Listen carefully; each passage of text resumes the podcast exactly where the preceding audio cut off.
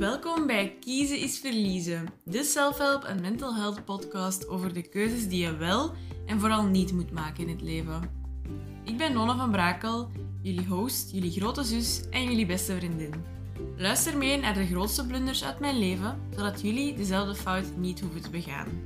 Of juist wel, het is maar te zien wat je wil in het leven natuurlijk.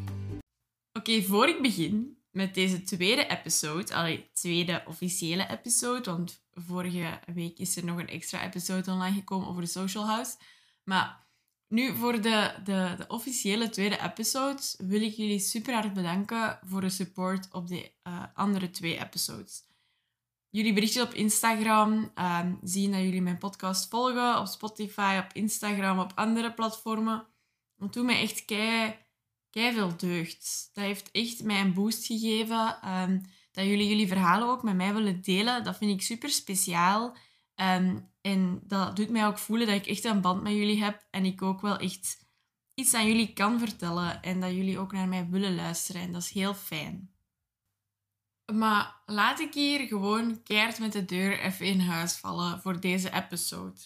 Heel veel van mijn volgers, uh, vooral op Instagram dus, weten niet dat ik niet hetero ben in de maatschappij gaan mensen er nu eenmaal gewoon vanuit dat mensen hetero zijn.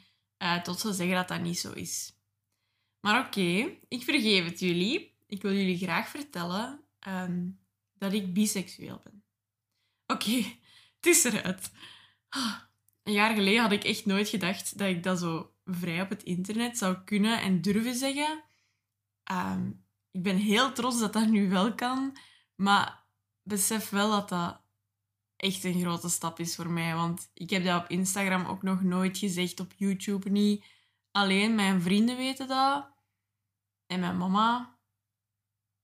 Dus dit is wel echt een dingetje voor mij. Vandaag wil ik jullie dus graag meepakken um, in mijn avontuur, in mijn journey, waarin dat ik mijn seksualiteit heb leren kennen en uh, hoe ik en mijn omgeving daarmee zijn omgegaan. En nog steeds mee omgaan. Ik heb voor mezelf moeten uitmaken welk label ik op mezelf wil plakken. En ja, ik ben uit de kast moeten komen tegen mijn mama, mijn vrienden, mijn huidig lief. Dat laatste is best een grappig verhaal, uh, maar dat spaar ik nog een beetje voor Sebes. Dat vertel ik jullie zo meteen. Oké, de vraag van vandaag. Met mijn mooie deuntje, lol. Um, de vraag van vandaag. Wanneer en hoe en tegen wie kom ik uit de kast? Of komt je uit de kast? Of wilt je dat vertellen? Wat is mijn keuze geweest in wanneer, hoe en tegen wie? Daar wil ik het vandaag graag over hebben. Maar oké, nu dat jullie allemaal uit de lucht zijn gevallen en hier naast mij op de grond liggen, wil ik jullie graag vertellen um, ja, hoe dat ik erachter ben gekomen dat ik biseksueel ben. Um, niet hoe dat ik biseksueel ben geworden, want ik geloof dat dat altijd wel in mij heeft gezeten, maar dat dat daar gewoon nooit is uitgekomen um, door veel verschillende factoren. Doordat je er gewoon, ja, als kind ervan uitgaat dat je hetero bent, totdat je beseft dat je het niet bent. En bij mij is dat misschien laat gekomen, misschien vroeg. Als je ziet dat sommige mensen van 60 nog uit de kast komen, wat super cool is dat die dat nog durven. Maar als je ziet dat sommigen op de leeftijd van 14 dat doen, bijvoorbeeld, ja, dan ben ik wel een beetje laat. Maar hoe ben ik daar dan achter gekomen? Hoe heb ik daar een label op geplakt? Hoeft ook, by the way, niet. Als je geen label wilt plakken, is dat oké. maar voor mij hielp dat wel. Oké, de eerste keer dat ik echt ermee geconfronteerd werd van oké, Nona, je bent niet hetero, is op een feestje. Dat was een van de laatste feestjes um, voor de lockdown, vorig jaar, voor de eerste lockdown. En op dat moment besefte ik dat ik een crush had op een meisje. Ik weet echt nog het moment dat ik tot dat besef kwam en dat dat even zo hard aankwam voor mij, omdat ik daar nog nooit echt mee in contact was gekomen met zo'n gevoel. En omdat dat voor mij ook wel heel reëel maakte dat dat ook wel een ding van mijn leven zou gaan worden of zou kunnen gaan worden. Dat dat gewoon een vraag was die nu echt in mij opkwam. Een vraag van, oké, zit hier dan iets meer achter? Um, en een vraag waar ik niet meteen het antwoord op ging weten of vinden. Ik weet nog dat ik toen op dat feestje was. Ehm, ik had dat dan door van, oh my god, I'm crushing. Ehm, en ik ben toen meteen naar mijn beste vriend Kobe gegaan. En ik ben keihard beginnen wenen. Ik heb echt gejankt op dat feestje. Ik heb hem verteld wat ik voelde. Dat ik daar ook wel wat schrik van had. Ehm, en ik heb vooral keihard geweend. Gewoon tot het besef komen van oké, ik ben niet zoals de norm. Dit is een gevoel dat ik nog niet ken en wat moet ik hier nu mee? Ik denk dat dat gevoel ook bij mij pas op dat moment doorgekomen is, omdat ik in een vriendengroep zat die volledig queer was. Dus ik dacht er steeds meer en meer over na hoe dat ik mij voelde bij de gedachte van op meisjes vallen en mijn ervaringen. Als ik die ging delen met die groep, voelde ik ook dat zij misschien wel zoiets hadden van hey, hebt jij daar al eens over nagedacht eigenlijk, Nona? Ehm, door in die groep te zitten en meer met queer mensen in contact te komen, ben ik daar ook zelf meer over beginnen nadenken. Maar nog voordat ik die groep kende, ehm, was ik al met mijn ex-vriend, toen wij al uit elkaar waren, maar wel nog bevriend waren, heb ik daar ook met hem over gehad. En ehm, ik heb daar toen later niet echt meer verder over nagedacht. Of ik heb dat gewoon zo gelaten, een beetje naast mij neergelegd. Van oké, ik ben misschien niet 100% hetero, zoals veel meisjes dat zijn. Maar ik ben ook zeker niet bi, snap je? Ik had echt zoiets van, oké, dit is een piste waar ik nu over na heb gedacht, maar ik ga daar niet verder op skiën om te kijken wat dat erin zit. Maar soms, als ik dan met mijn hetero vriendinnen praatte en ik zei van, ja, ik vind ehm, meisjes wel knap, dan zeiden die ook van, ja, ik vind meisjes ook knap. Ehm, maar ik ben daar nooit tot aangetrokken of zo. Ik kan meisjes knap vinden, maar niet aantrekkelijk. Zeker niet zoals bij jongens. Dat waren dan ja, dingen dat mijn, mijn hetero-vriendinnen zeiden. En in mijn hoofd was ik dan zo, hè? Maar wat als ik dan wel een bepaalde aantrekking voel tot meisjes? En die is niet per se dezelfde als tot jongens, maar die is er echt wel. Als ik dan zo daarover bezig was met mijn hetero-vriendinnen, merkte ik wel dat er wel echt een verschil zat tussen wat ik kon voelen als ik naar een meisje keek, terwijl wat dat zij konden voelen. Maar zoals ik al zei, het was echt een journey voor mij. Het is niet dus dat ik dat van aan het begin al door had of er een punt was dat ik het echt wist.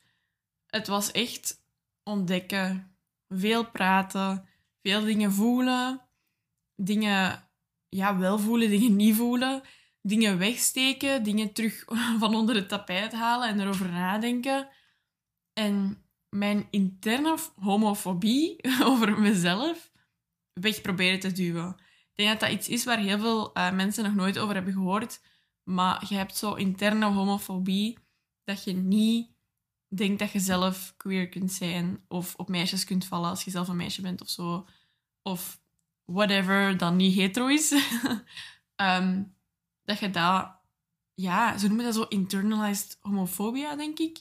Uh, ik weet daar niet heel, heel veel van, dus ik kan daar niet echt over educaten of zo. Maar ik weet wel dat ik daar volgens mij ook wel een beetje mee zat.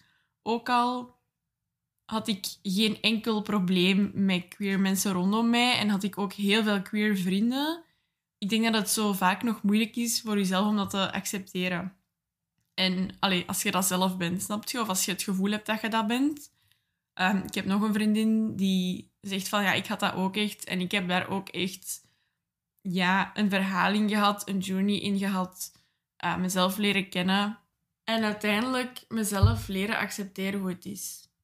Ik denk dat TikTok voor mij, maar ook voor heel veel andere meisjes die zichzelf zo wat questionen, um, heel belangrijk is geweest. Ik denk dat dat echt een platform was waar dat je jezelf kon leren kennen en een beetje kon experimenteren met verschillende gedachten, verschillende visies.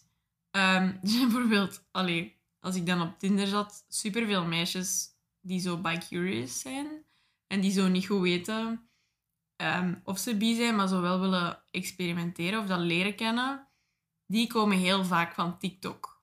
En ik ook een beetje. Allee, snap je? Je wordt zo wat, je interest wordt zo wat gesparkt door die TikToks. En uh, ja, dat bij heel veel mensen zo hun gevoel heeft losgeweekt van... Hmm, bij mij kan dat eigenlijk ook wel. Want bij mij heeft dat ook zo'n gevoel losgeweekt. En ik heb op geen enkele van mijn sociale media iets gezegd over being bisexual, behalve op mijn TikTok. Ik heb direct een TikTok gemaakt toen iemand mijn Tinder-profiel doorstuurde, toen ik nog echt gewoon zo aan het rondkijken was en dacht van oké, ik weet niet of ik bi ben. Dat iemand mijn Tinder-profiel doorstuurde, uh, een van mijn kijkers, en dat die vroegen van bent jij dit? En dat ik zo'n paniek had in mijn hoofd van oh my god, uh, wat moet ik hierop antwoorden?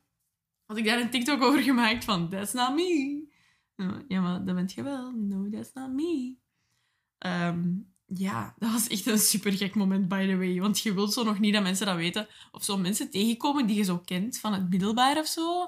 Ik, ik had daar zoveel schrik van. Oh, altijd als ik iemand tegenkom van het middelbaar of iemand die ik zo liever niet tegenkwam, of die dat zo... vond ik niet echt waar dat die dat wisten. Echt, I died elke keer als ik iemand tegenkwam. Terwijl dat is helemaal niet zo erg. Dat boeit eigenlijk niet zoveel, maar op dat moment had ik mezelf echt nog niet geaccepteerd. En, alleen wist ik het ook gewoon nog niet zo goed.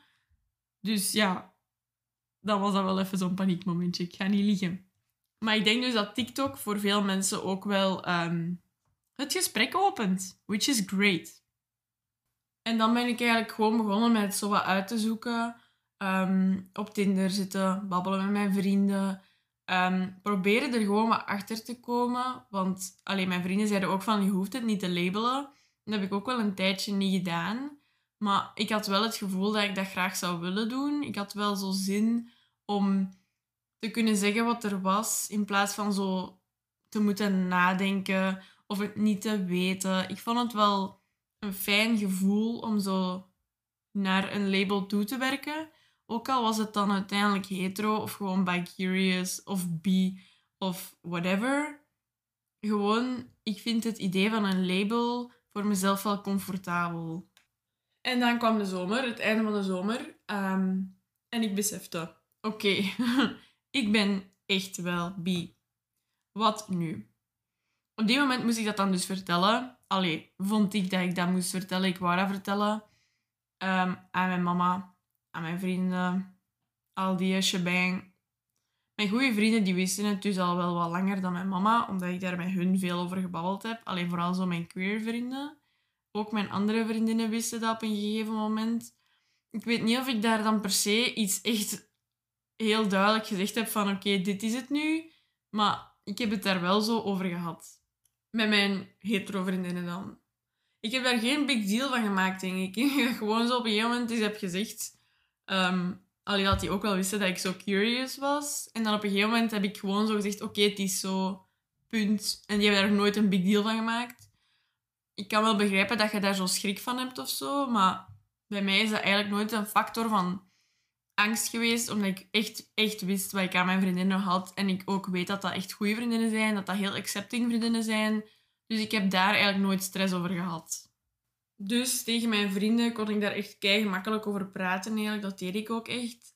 Ehm, ik heb ook lang gedacht dat mijn mama het al wist omdat ik zo veel praatte over mijn vriendengroep dan, met allemaal queer mensen in. En ik heb echt wel al eens laten vallen dat ik zo zelf zo niet zou uitsluiten dat ik zo op meisjes zou kunnen vallen of niet. Ik heb dat letterlijk gezegd tegen mama, dus ik had echt het gevoel dat die zo dat wel wist eigenlijk, maar dat ik dat gewoon nog niet had gezegd. En dan ehm, op een avond in de zetel heb ik dat gewoon verteld aan mama. Ik had veel stress. Ik had echt niet verwacht dat ik stress ging hebben daarvoor omdat ik en mijn mama, wij zijn echt kei open tegen elkaar. Ik kan daar echt zo alles tegen zeggen. Als ik in de problemen zit of zo, ik kan dat ook gewoon zeggen tegen die. Ik moet zo niks geheim houden voor die. Dus ik had zo niet het gevoel dat ik stress ging hebben en dat dat gewoon normaal ging zijn. Maar ik had daar echt wel stress voor. Ook al wist ik dat die dat oké ging vinden. Dat is wel iets heel persoonlijk dat je vertelt. En iets wat dat die misschien dan niet verwachten. En ja, dat is wel gewoon eng. Ehm, maar ik heb het dan dus aan mama verteld. En ze was daar helemaal oké mee. Maar ze had dat dus niet verwacht. En ik zei dat echt van... Ik dacht dat je dat wist. Mama zo... Hoe kan ik dat nu weten? Ik zeg, ik heb het gevoel dat ik zoveel hints heb gedropt of zo. Niet per se van... Hé hey mama, je moet het weten. Maar ik wil het niet zeggen. Maar zo van... Ja, ik dacht dat jij dat wel wist. Dacht ik gewoon. maar oké. ik had het gezegd. het was eruit. Sava. Ik voelde me er goed bij. En op dat moment moet ik dus mezelf, mijn seksualiteit uh, gaan ontdekken en leren kennen. Dus ja, het is er nu uit. Wat nu? ik had echt zoiets van, ja, oké, okay, wat nu? Ik had dus mijn Tinder al ingesteld op meisjes, wat wel spannend was. En nu dat ik het echt voor mezelf had geaccepteerd dat ik bi ben, vond ik het dus ook niet zo erg meer om mensen tegen te komen van vroeger. Um, omdat ik zoiets had van, oké, mensen mogen het weten, ik weet het. De belangrijkste mensen in mijn leven weten het, dus we're good. Um, het ding wat ik wel in het begin zo wat moeilijk vond, ik heb zo geleerd dat meisjes vrienden zijn, snap je? Het was voor mij moeilijk om zo niet meisjes direct te zien als iemand waar je gewoon vrienden mee gaat zijn. Zo meisjes zien als iemand waar je mee op date kunt gaan, dat is echt zo nog wel een verdere stap of zo. Bij mij was dat toch, omdat ik heel snel naar die vriendschap aan het neigen was. En ik had dus niet zoiets van, oh, ik ga met die op date gaan.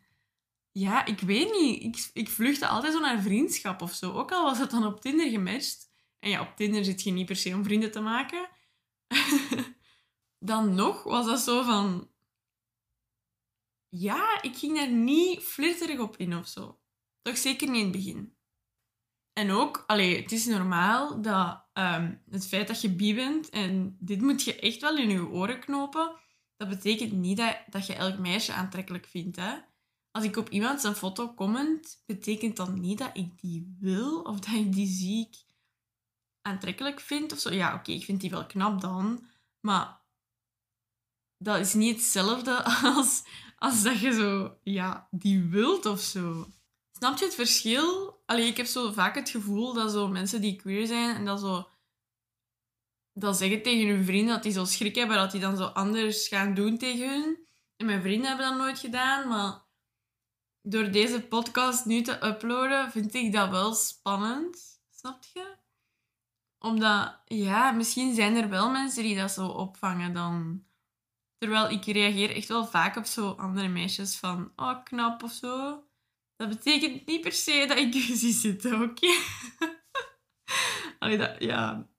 Ik wil dat zo niet slecht bedoelen nu, maar ik wil ook niet dat, dat dat nu zo gek overkomt of zo. Ja, boeien eigenlijk. Whatever. Maar bon, nu het verhaal waar jullie allemaal op gewacht hebben. ik tease daar ondertussen al 17 minuten naar.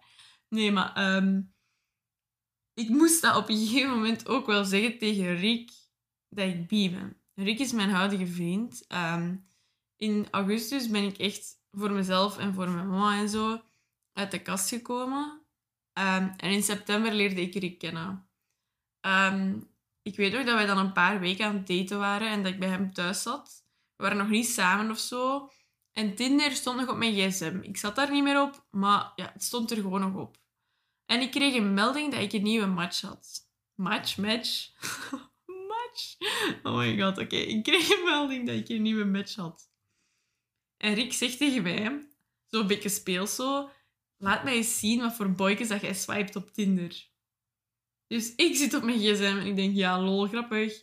Ik doe dat open. En ik zie dat dat een match is met een meisje. Oh jongens, alles wat toen door mijn hoofd ging. Ik wist wel dat ik dat op een gegeven moment ging zeggen tegen hem. Dat ik dat ook wou zeggen tegen hem. Ik had daar ook al over nagedacht. Maar ja, ik wist niet wanneer of zo. En nu kwam dat moment. Want ja, wat ging ik zeggen? Ik kon toch niet zeggen, ja, nee, je kunt nog niet kijken. Ik weet nog dat ik zoiets zei van, oh, uh, ja, wacht, ik moet u even iets vertellen, maar ik moet even zien hoe dat ik dat ga verwoorden. En ik had zo even een momentje nodig. En, en hij was echt zo van, ja, wat is er? Is het uw ex of zo? Is het iemand dat ik niet mag zien? Of, die was echt zo, die wist echt niet wat er ging gebeuren. En uh, ja, toen heb ik het gewoon laten zien, heb ik het verteld. Um, van ja, de reden dat ik dat niet direct wou laten zien, is dan dat een match is een meisje. En dat jij dat niet weet, dat ik niet hetero ben. Um, misschien sorry dat ik dat nog niet heb gezegd. Maar ja, hier heb je het, de info. en hij deed daar kei chill over. Hij vond dat nog wel cool. Um, dus ja, chill dat was eigenlijk een heel tof moment. Ehm, ik had er wel wel stress voor of zo. Zeker zo het moment dat ik dan dat opendeed. Ik dacht, oh nee. Moet dan nu, snap je? Ik was er zo totaal niet op voorbereid. Maar ik had wel verwacht dat hij dat ehm, helemaal oké ging vinden natuurlijk. Anders zou ik ook niet met hem aan het zijn. Maar ja, toch, het is wel spannend om dat aan iemand te vertellen die je wel interessant vindt of zo. En die dat dan nog niet van u weet. Ja, dat is gewoon spannend. Zo so. Maar hij heeft dat heel goed opgevangen. En uh, ja, dat was heel tof. Dus merci, Rick. Echt, dat heeft heel goed gedaan. Oké, nu gaan we stoppen met simpen, want jullie zijn aan het luisteren en jullie denken, wat is dat hier? Dat is precies Nona die gewoon een spraakbericht stuurt naar haar vriend. Bon. nu, um, ja, het leven gaat door. Je komt andere mensen tegen dan gewoon je vriendengroep. Uh, andere mensen waar dat je dat misschien wel tegen wilt zeggen. Soms vind ik dat wel moeilijk. Het is niet dat ik dat niet wil vertellen, maar ik vind dat gewoon moeilijk om dat zo random ergens tussen te smijten. Ook al wil ik wel dat sommige mensen dat weten. Snap je? Sommige mensen, ja, dat maakt niet uit. Die hoeven dat niet per se te weten. Whatever. Of, allee, zo mensen die ik zo niet heel goed ken of zo. Ja, die zo net mijn vrienden worden of kennissen of zo. Ja, dat maakt me niet uit natuurlijk. Maar er zijn zo sommige mensen die dan ook queer zijn, waar ik dat kei graag zo mee wil delen. Maar toch zit daar zo ergens een rem op bij mij. Dus bijvoorbeeld uh, bij mijn twee stages. Ik heb stage gedaan bij, um, bij Potemkino, bij The Fridge. Dat is ehm, het productiehuis die hebben um, gedraaid aan Brak. Dat is een uh, webserie voor ja, mijn leeftijd zo wat. Heel toffe serie, ga die zeker checken. ik heb daar stage gedaan. En mijn stagebegeleider, Charlie, uh, dat is een non-binair persoon. En die is ook biseksueel, als ik me niet vergis. Um, ja, ik wou het daar graag tegen zeggen of zo. Wij zaten daar met een groepje stagiairs, um, waarvan twee gay uh, jongens. Was daar nog een queer meisje bij? Op dat moment denk ik nog niet. Ja, we zaten daar met vier en de andere meisje is gewoon hetero, naar mijn weten. Um, en we zaten daar dan en het ging dan zo over ja, die twee jongens en hoe dat die dat zo wisten. En ik weet nog dat ik toen echt zo dacht van alleen Nona, die weet dat niet van u. Je wilt toch dat hij dat weet of zo? Allee, snap je? Je wilt dat zo zeggen, maar het is kei moeilijk om dat zo gewoon in de groep te smijten. Ook al weet je dat die dat goed gaan vinden en gaan accepteren, toch is dat moeilijk om dat er zo tussen te smijten. En ik weet dat ik dat dan maanden gewoon niet heb gezegd. Ik heb dat letterlijk niet gezegd, totdat wij dan um, van op afstand stage hadden. En dat dat via de computer was. En dan was er zoiets van... Um, dat, ah ja, onze stagebegeleider, er was een nieuwe stagiair van mijn queer vriendengroep dus ook erbij gekomen. En Charlie was erachter gekomen dat die bi was. En um, Charlie echt zo, hoe wist ik dat niet? Zijn er nog dingen van jullie die ik niet weet? En ja, toen heb ik dat dus verteld. En die kwam echt helemaal uit de lucht vallen. Dat was super grappig. Maar ja, toen pas heb ik dat gezegd, terwijl echt dat onderwerp al verschillende keren was aangehaald. En toch durfde ik dat zo er niet goed tussen smijten of zo. Uh, dat was bij mijn stage bij M&M juist hetzelfde. Um, zoals jullie in mijn eerste episode hebben gehoord, heb ik dus stage bij M&M gedaan. Um, de sprong gewaagd. en um, daar, het team van Generation M is ook bijna volledig queer. Ik weet dat Dorianne op vrouwen valt, Laurens op mannen. Um, en dat Bo biseksueel is. Van de rest weet ik het niet. Bon, kan van alles zijn. Um, maar ik had echt zo het gevoel van, oh, ik wil dat jullie dat weten. Want ergens schept dat echt wel zo'n band of zo. Of ja, ik weet niet. Ik had gewoon graag zo het willen zeggen. Maar ik heb dat zo niet gedaan. Ook ja, ik heb die maar drie keer in het echt gezien. Want door corona kon ik zo niet gaan. Maar ik heb dat zo nooit gezegd. Terwijl op sommige momenten wil je dat zo gewoon zo wel... Vind je dat wel fijn als zo je mede-community mensen of zo dat ook weten. Snap je? Dat, dat geeft dat zo'n soort comfort. En ik wou ook aan hun laten weten van... I'm with you, snap je? I'm one of you. Um, bij mij kun je zeker 100% jezelf zijn. Want allee, ik weet hoe het is. Ik weet hoe dat jij je eh, voelt en expressed en zo. Ja, ik weet niet. Ik wou dat gewoon heel graag zeggen. Ah, maakt niet uit waarom. En toch heb ik dat zo niet gedaan. En soms denk ik, allee, dat is zo gek. Maar ja, ook op sociale media, ik wil zo wel dat mensen dat weten, maar ik wil dat zo zelf ook niet per se aan de grote klok hangen. Is dat je zegt dat, want ik ben weer gezegd is aan het zeggen dat waarschijnlijk op niks slagen. Maar op sociale media, ik weet het niet. Echt, iedereen mag dat weten van mij, maar om daar zo echt zo'n announcement van te maken, ik vind dat zo moeilijk, terwijl ik wel wil dat iedereen dat weet. Dus ja, dat is moeilijk hè, als je geen announcement doet. Maar ja, je wel wilt dat iedereen dat weet, ja, hoe gaat het dan doen? ik weet nog, um, ik had dan zo een foto gepost met een uh, paarse filter over. En ik had dan zo in de comments hartjes in de bisexual vlagkleuren gecomment. Um, en dan gezegd van... If this doesn't scream, en dan die hartjes, then I don't know what will, of zoiets had ik gepost. En dat was wel fijn, want ik kon dat zo dan toch tegen iemand zeggen. Maar mensen die zo daar niks mee te maken hebben, of daar zo niet echt iets over weten, die weten ook niet waar het over gaat. Snap je? Die begrijpen die kleuren niet. Dus ik kreeg zo wel berichtjes van zo'n mensen die dat dan wel weten en dat keihard supporten. Maar de rest die dat misschien raar ging vinden of dat niet ging supporten, die wisten dat zo nog niet op dat punt. Allee, ik weet niet of ik volgers heb die dat niet gaan supporten, hè, maar toch was dat voor mij zo al een eerste stap richting meer mensen die het weten, maar nog niet iedereen. Maar op deze moment weet wel iedereen het, of ze nu deze podcast luisteren of niet. Um, ik ga heel eerlijk zijn, ik vind dat best spannend, um, maar ik ben er wel klaar voor. En ik wil het ook gewoon zo van mij af hebben. Het is zo klaar. Nu weten jullie het. Voilà. Oké, kijk hoe. Joepie. maar ja, ik ben... Hoe ik die joepie zei. Oh. Bon, even mezelf herpakken. oh. Oké. Ik wil maar gewoon zeggen, ik ben blij dat jullie het weten. En ik ben wel benieuwd naar de reacties of zo. Allee, het maakt niet uit. Hè. Als iemand er niet mee akkoord is, dan is dat maar zo. Het is niet dat ik dat kan veranderen of zo. Maar um, ja, ik ben gewoon wel benieuwd. Ik heb zo nog nooit echt zo iemand tegengekomen die dat raar vond of die zo daar echt, echt commentaar op had. Dus ik weet niet hoe dat is, snap je? En ik denk dat dat misschien bij mij ook minder snel zal voorkomen, omdat ik... Ja, ik ben bi, maar als je mij tegenkomt op straat, je ziet dat niet? Alleen snap je, ik ben samen met, een man. Dus ik zal daar misschien minder snel mee in contact komen. Maar ik heb dat dus nog nooit echt meegemaakt. Ehm, maar wel iemand die dat dan hoorde en die zei van...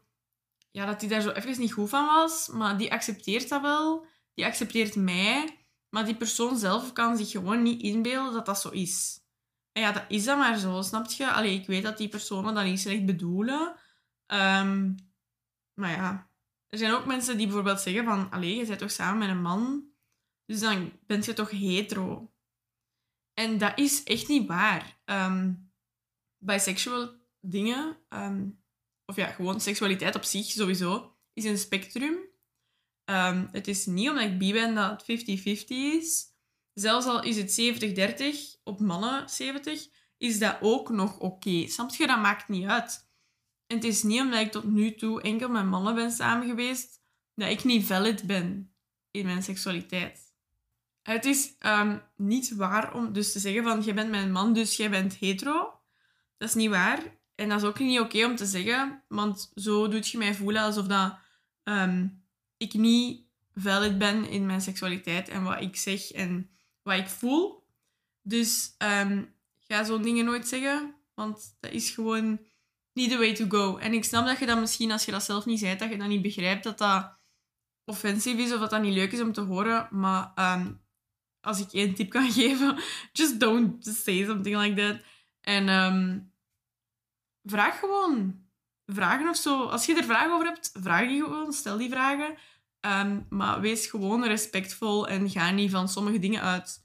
Je kunt dat veel beter gewoon vragen dan zeggen van, maar jij bent toch hetero, want jij bent... Nee, nee, vraag dat dan gewoon van, oké, je bent nu samen met een man, hoe zit dat dan? Dat is oké. maar ga niet van dingen uit of zo, want dat is niet nice. Om dan terug te komen op de vraag van vandaag. Ehm, mijn coming out. Wanneer, hoe en tegen wie. Ehm, wanneer, gewoon wanneer dat ik het begon te voelen. Allee, toen heb ik voor het eerst tegen mijn beste vriend gezegd. Ehm, wanneer dat ik echt voor de rest eruit kwam, was gewoon wanneer ik me er comfortabel bij voelde. Wanneer ik er zelf zeker in was en er klaar voor was. Hoe? Gewoon jezelf zijn, gewoon je laten gaan. Ehm, je kunt dat doen met een of andere taart te bakken of zo, als je dat leuker vindt. Zo'n dingen ziet je wel soms op TikTok of zo.